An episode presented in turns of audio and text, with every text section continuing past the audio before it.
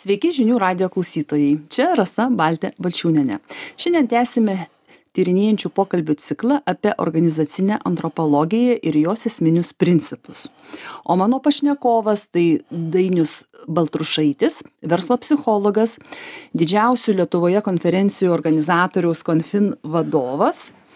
Ir mūsų tema bus, tai kuogi organizacinė antropologija gali būti naudinga gero vadovo darbe. Labas, Dainiu. Labas, Rasa.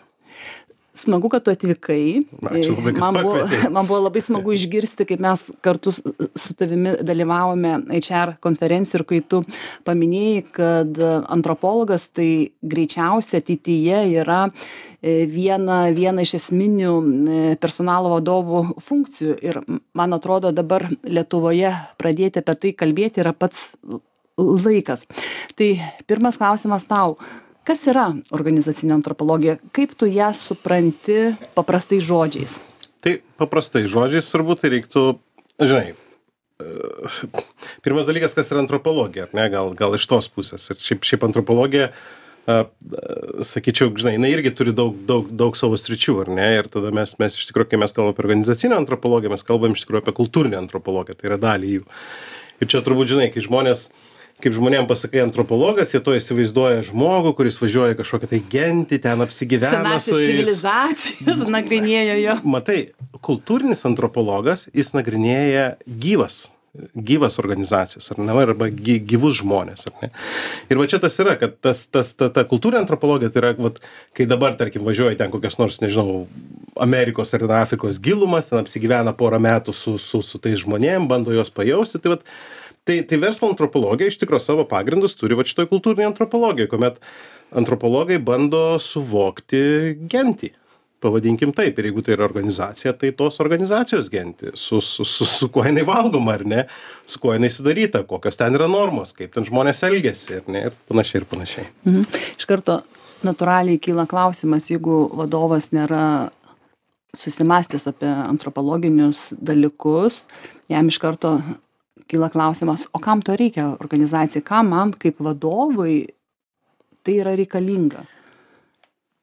Tai čia čia žinai vėl galima pažiūrėt atsakymą turbūt labai taip iš kelių perspektyvų ar ne? Tai vienas dalykas tai galima pagalvot ką ką tiesiog verslo antropologai daro ar ne ir daro aibes dalykų bet jeigu galvot apie tave kaip vadovą kaip antropologą ar ne per brūkšnelį tai man atrodo čia yra vienintelis tikslas suprasti savo organizaciją žinai ar mes iš tikrųjų ją suprantam ar mes išeinam už savo to ka- kabineto arba stalo ar ne pa, pažinti žmonės ne?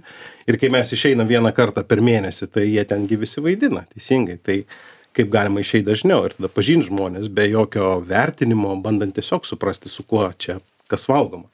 Ar ne ir greičiausiai tu a, matei šitą filmą a, Office mm? Netflixo, Jo, ar ne? jo jo jo jo Ir va čia, čia atsakymas, tas visas filmas yra atsakymas, kodėl vadovas turi būti antropologas.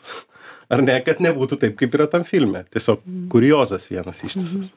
Gal tu gali kokiu nors praktinių pavyzdžių pateikti, ką vadovas gali iš, suprasdamas organizaciją iš vidaus kaip antrol, antropologas, ką jis gali pamatyti. Jo, tai, daug, daug, ta prasme, daug dalykų, ne? Antropologai neturi kažkokios tai vienos labai konkrečios srities, kurią jie nagrinėja, ne? Bet yra daug, daug e, sričių, kurios yra svarbios. Pavyzdžiui, tarkim, kultūra. Ar ne? Tai kaip suvokti kultūrą? Kaip, kaip mes čia atrodom, kas mes esam? Ar ne dažnai organizacijos įsivaizduoja, nu tai mes surašysim ten kokius 4-5 punktus ant sienos ir štai mes dabar esam tokie. Ir čia labai gražiai Margaret Mead pasakė, ar ne, kad tai, ką žmonės sako, ką daro ir tai, ką sako, ką daro, yra trys skirtingi dalykai. Ar ne? Tai tai, kad mes susirašom kažkokias tai vertybės ar ten, nežinau, kažkokius tai kultūrinius ypatumus ant sienos, tai dar nieko nereiškia, o ką žmonės iš tikrųjų daro. Ar ne? Ir kaip mes galim po to turėti tranzitą iš, vienos, iš, iš vieno į kitą, ar ne? Tai kultūros suvokimas, darbuotojų suvokimas, pokyčių inicijavimas, galiausiai pokyčių komunikacija.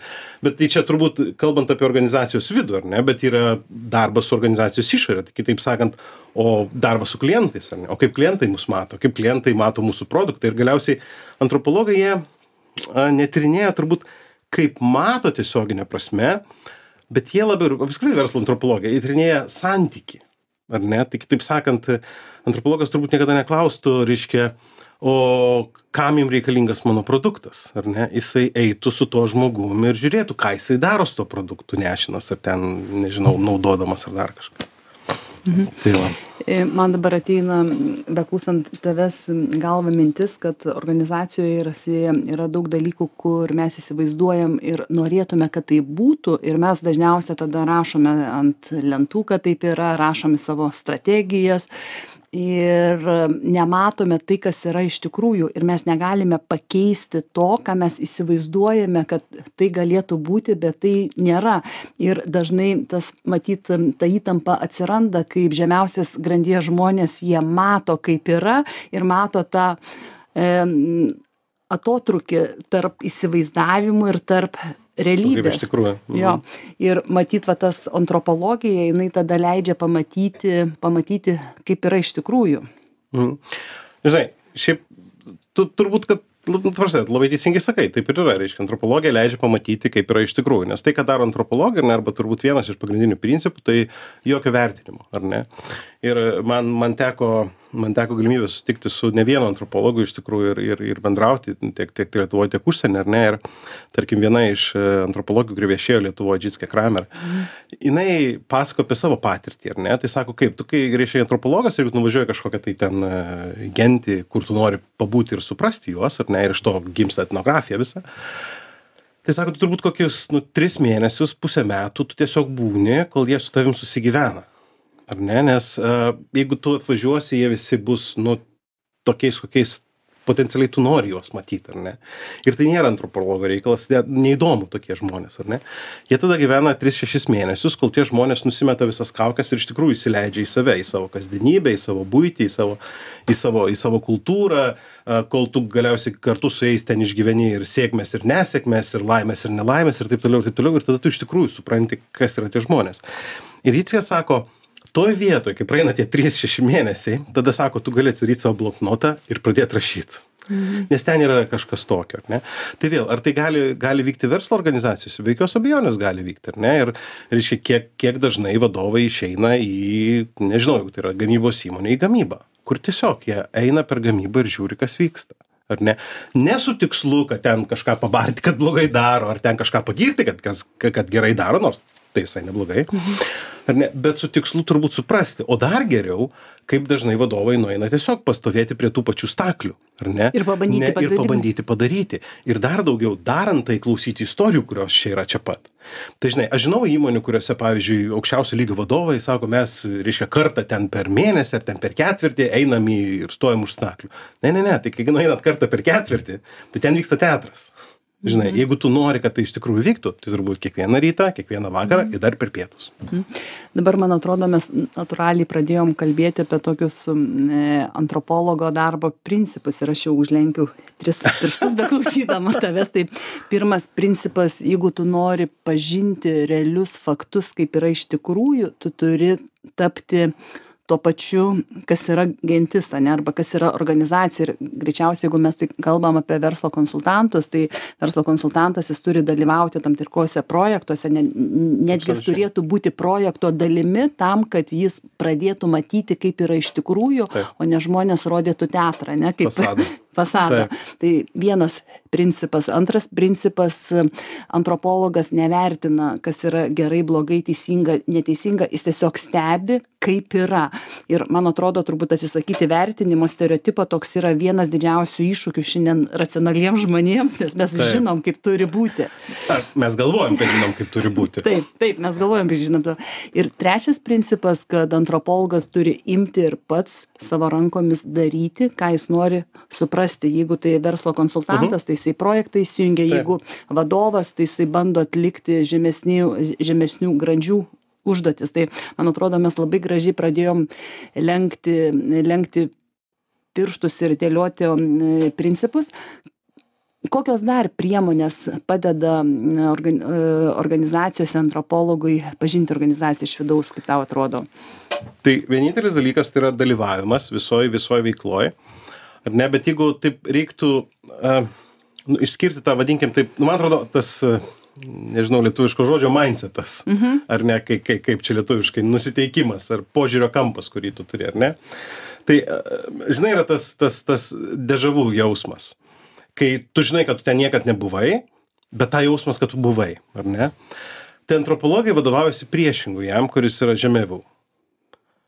Kuris, Tai yra, aš žinau, kad tūkstantį kartų tokiose situacijose buvau bet aš užsidedu vėl naujus sakinius žiūrėdamas į ją. Ir čia yra pagrindinis dalykas ar ne ką antropologai turbūt darytų bet kurioj organizacijoj atėję kaip į verslo organizaciją ar ne. Tai jie nebandytų pasakyt kad aš mačiau dešim tūkstančių organizacijų kuriose tai veikia darykit tą patį pas jus irgi tikrai veiks ar ne. Jie sakytų na pažiūrim ar ne. Ir antropologai turi tą a, kultūrinio reliatyvizmo reiškia principą kuris sako kad tu kultūrą gali suprast tiktai ją žiūrėdamas iš vidaus. Jokiu būdu nelygindamas su kitomis kultūromis. Ir jeigu pažiūrėsim a, tų kultūrinių antropologų ar ne ne verslo antropologų kaip jie dirba tai jie po kiekvienos savo tokios reiškia a, kelionės kurie išvažiuoja ten keliems metams pa pažinti kažkokią tai nežinau ten gentį ar kažką ar ne jie rašo tas etnografijas kur kur sudeda viską ką jie matė kaip jie matė ką jie jautė reiškia ir taip toliau ir taip toliau ar ne. Ir galiausiai tada jie neleidžia sau sakyt a o toj genty buvo taip o toj genty buvo taip ar ne. Aišku po to ten kai jie jau surašo viską ir tada yra ta etnologija vadinama ar ne kur reiškia krūvas etnografijų paimi ir bandai suprast aha tai jeigu nagrinėju aš ten tarkim kažkokias nutolusias gentis kaip pavyzdys ar ne tai kažin ką visos nutolusios gentys turi bendro ar ne? Bet tą darai tiktai jau po kažkiek tai laiko gerokai pakilęs iš tokios meta perspektyvos labiau negu žinai čia pat o jūs ne taip darot reikia pakeisti nu, žinių radio klausytojams priminsiu kad šiandien mano pašnekovas yra dainius baltrušaitis verslo psichologas ir didžiausių lietuvoje konferencijų organizatoriaus e, kofin vadovas. O šnekučiuojamės mes apie organizacinę antropologiją jos esminius principus ir kuo jinai gali būti naudinga gero vadovo darbe pirmoj daly mes pradėjom um, skaičiuoti principus tai dar iš tavo kalbos ketvirtą principą įvardinčiau kad antropologo mąstymas yra kontekstinis jisai neperneša tam tikrų stereotipų šablonų bet žiūri kas yra tame kontekste. Visiškai. Ir stengiasi įžvelgti naujumą būtent kas yra čia ir kas būdinga konkrečiam kontekstui. Ir penktą principą kurį išgirdau iš tavęs kad jis ne tik stengiasi pamatyti sugalvoti bet ir pajausti. Tai yra labai svarbi kompetencija sensorinė pajautos nes tu negali viską racionaliai suprasti jeigu tu nesi tos kultūros dalis. tai dabar noriu tave pakviesti tęsti tą kelionę. Ko- kokie dar yra e, antropologo e, principai organizacijose arba jeigu vadovas norėtų būti savo organizacijose kaip antropologas ką jam dar reikėtų daryti? Aš sakyčiau čia turbūt pagrindiniai ar ne? Nu dar dar turbūt galima būtų pridėt kad vėl antropologas žiūri holistiškai į visą į visą sistemą ar ne? Jis nežiūri į ten vieną ar kitą jos veikėją ane jisai žiūri bendrai ne kaip kaip ta sistema veikia kaipo tokia tai čia pagrindinis dalykas kad antropologai žinai ir kodėl antropologija žinai nėra labai pastoru sustoti prie klausimo ką reiškia žiūri holistiškai. Apima visą organizaciją ar ne? Reiškia tai jeigu tu važiuoji ten į kažkokią tai gentį kurią bandai nagrinėt tai tu bandai suprasti visą kaimą ar ne? Turbūt per vieno vieno žmogaus akis bet nežiūrint to visą kaimą. Lygiai taip pat organizacijoj tu bandai suvokti visą organizaciją ar ne? Ne kažkokį tai vieną paskirą žmogų ar ne? Ir čia yra iš tikrųjų didžiulis darbas tą ką aš norėjau sakyt kad žinai dėl ko antropologams man atrodo sunku kažkuria prasme versle tai versle reikia greitų rezultatų. Tai antropologai ne ne negali duot greitų rezultatų dėl to kad ją reikia nu į- į- imersinti save į į į įdėti save į tą organizaciją išgyventi joje būti su ja ir tada tu gali pamatyt rezultatus ar ne tai tada natūraliai kyla klausimas aš vėl taip Aha. apsukau ratą Gerai, ir gerai, gerai. vėl grįžtu tai vis dėlto pabandykim kartu pamąstyti tai kokia yra esminė nauda organizacijom jeigu tu iš karto negauni Mhm. rezultatą ir tai yra ilgas procesas jo tai ta prasme kai aš sakau ilgas procesas tai be jokios abejonės priklauso nuo to kokį sau tikslą keli.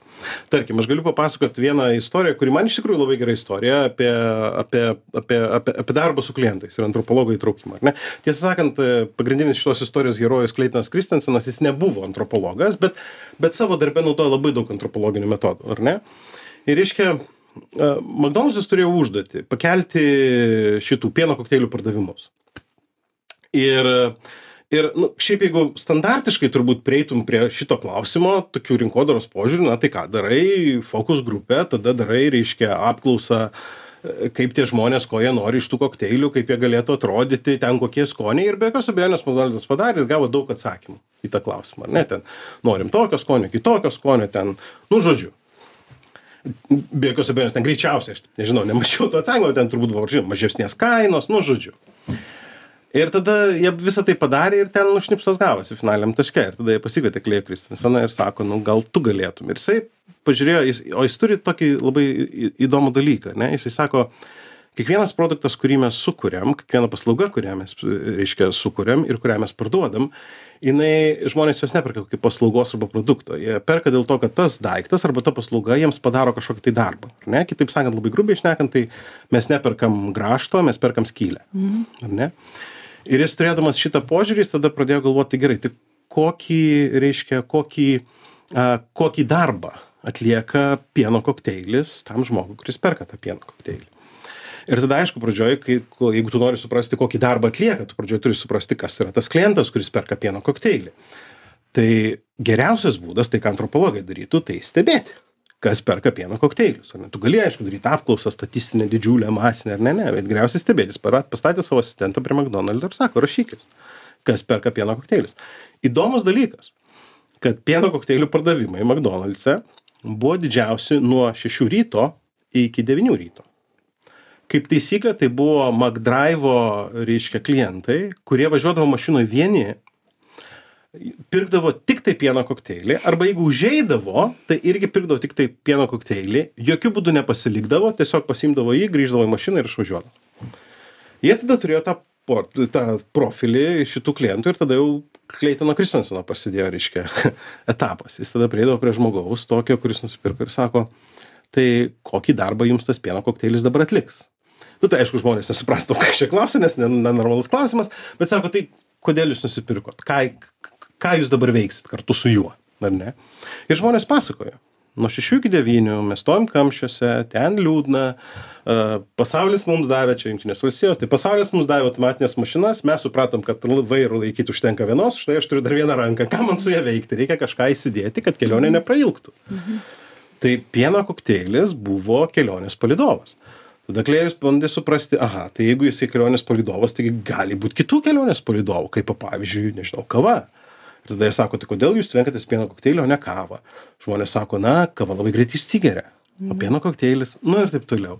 Jie sako aš kažkada buvau savo palydovu pasirinkęs šokoladinį batonėlį šiaip sako nelabai geras pasirinkimas dėl to kad jį greit suvalgai o paskui ir šiaip sąžinę graužia kodėl čia jį valgei nuo ryto. Ar ne? Žodžiu finalas viso šito reikalo tai yra toksai kad a, magdo reiškia kleisk suprasdamas ką tai daro ko kokį klausimą sprendžia žmogui jis pasiūlė ket kelis dalykus reiškia realiai tris dalykus ar ne? Vienas dalykas jie pasakė padarykit didesnį indelį kad jo ilgiau už užtektų. Padarykit tirštesnį kokteilį ir siauresnį šiaudelį. Kitaip sakant kad tu ilgiau čiulptum ten trauktum tą ir tau užtektų visai kelionei.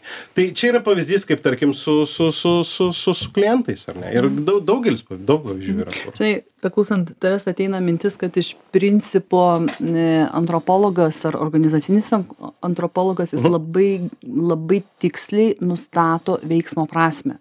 Ir kaip jis labai tiksliai nustato veiksmo prasmę tada žmogui yra labai aišku dėl ko jis daro jeigu tai yra darbuotojas dėl ko jis daro tam tikrą veiksmą ir pas jį vidinė motyvacija yra o jeigu tai yra klientas dėl ko jisai perka ir jam nebereikia ten papildomų nuolaidų pasakojimų ar legendų. Ir man dar pačiai yra įdomu kad greičiausiai jeigu mes kalbam kad organizacinė antropologija jinai ateina į mūsų gyvenimą tai greičiausiai ir kultūros mokslininkai į mūsų gyvenimus ateis. Aš turiu mintyje į mūsų organizacijos nes kai gimsta nauja kompetencija tai jinai gimsta kelių kompetencijų sankirtoje. Tai čia bus turbūt verslo ir kultūros sinergija jo tai aš manau kad mes aš manau kad ypatingai dabar ane mes matysim labai labai daug dalykų kitokių reiškia mūsų mūsų mūsų reiškia organizaciniam pasauly ar ne? Ir ir tą matysim greičiausiai dėl to kad mes nu gyvenam tam vuka pasauly ar ne kuris nukirto visus priežasties ir pasekmės ryšius. Ir jeigu šiaip pagalvosi klasikinė vadybos teorija visa klasikinė modernioji vadybos teorija jinai pastatyta ant stabilaus pasaulio suvokimo ar ne? Nors tiesą sakant pasaulis niekada nebuvo stabilus. Nu šiaip ar ne? Heraklitas sakė niekada du kartus neįlipsi į tą patį vandenį ir ten visa kita bet iš tikrųjų tai ką mes darėm ar ne? Mes bandėm stabilizuot pasaulį ir visa vadyba yra sukurta. Vadybos nu klasikinė ir modernioji vadybos teorija yra sukurta ant stabilumo ar ne? Ką antropologai daro jie bando pažinti žmogų dinamikoj ir dėl to man atrodo jų priėjimas arba jų būdai jie yra gerokai nu tikslingesni. A dabartiniu metu kai mes dabar gyvenam. Mm. mūsų laida jau atėjo į pabaigą. Ką dar pabaigai nori pasakyti? A, mylėkit savo darbuotojus.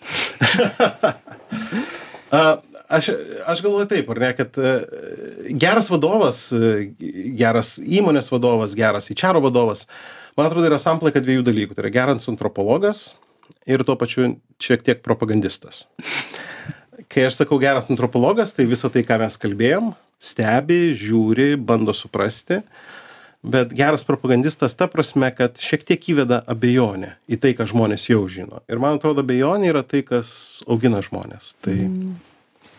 Ačiū tau labai už pokalbį. Aš iš mūsų pokalbio įsinešu tuos tokius uh, išgrynintus esminius e, bruožus savybes jeigu tu nori būti savo organizacijos antropologu ką reikia pirmiausia pradėti daryti tai pirmiausia būti e, toks pat kaip jie, ta prasme, nusileisti iš e, aukštųjų aukštų į žemesniuosius ir atrasti veiklos būdų, kur tu gali būti toks kaip jie, tam kad matyti kas vyksta iš tikrųjų tada nevertinti o stebėti žiūrėti kas yra būdinga tam kontekstui o net nešti sėkmės istorijų iš praeities ir taip toliau. Ką mes dar čia kalbėjom jausti pajausti ir ieškoti kiekvienam veiksmui prasmės nes aš manau kad mūsų įsivaizdavimai atitrūkę nuo realybės gimsta tada kai mes norime vieno racionaliai sugalvojam ir tuos sugalvotus dalykus stengia stengiamės prie mm. realybės mm. pritempti o realybė yra tokia kokia yra ir jeigu tu ją pažinsi ir sukuri prasmę tada viskas ir gaunasi. Ačiū tau labai Dainiui. Ačiū. Šiandien mano pašnekovas buvo Dainius Baltrušaitis, verslo psichologas, didžiausių Lietuvoje konferencijų organizatoriaus COFIN vadovas. Ir mes kalbėjomės apie organizacinę antropologiją, jos esminius principus ir kuo jinai gali būti naudinga gero vadovo darbe žinių radijo klausytojams priminsiu kad įrašą galite rasti žinių radijo interneto svetainėje žinių radijas taškas lt. Laidą vedė rasa baltė balčiūnienė. Iki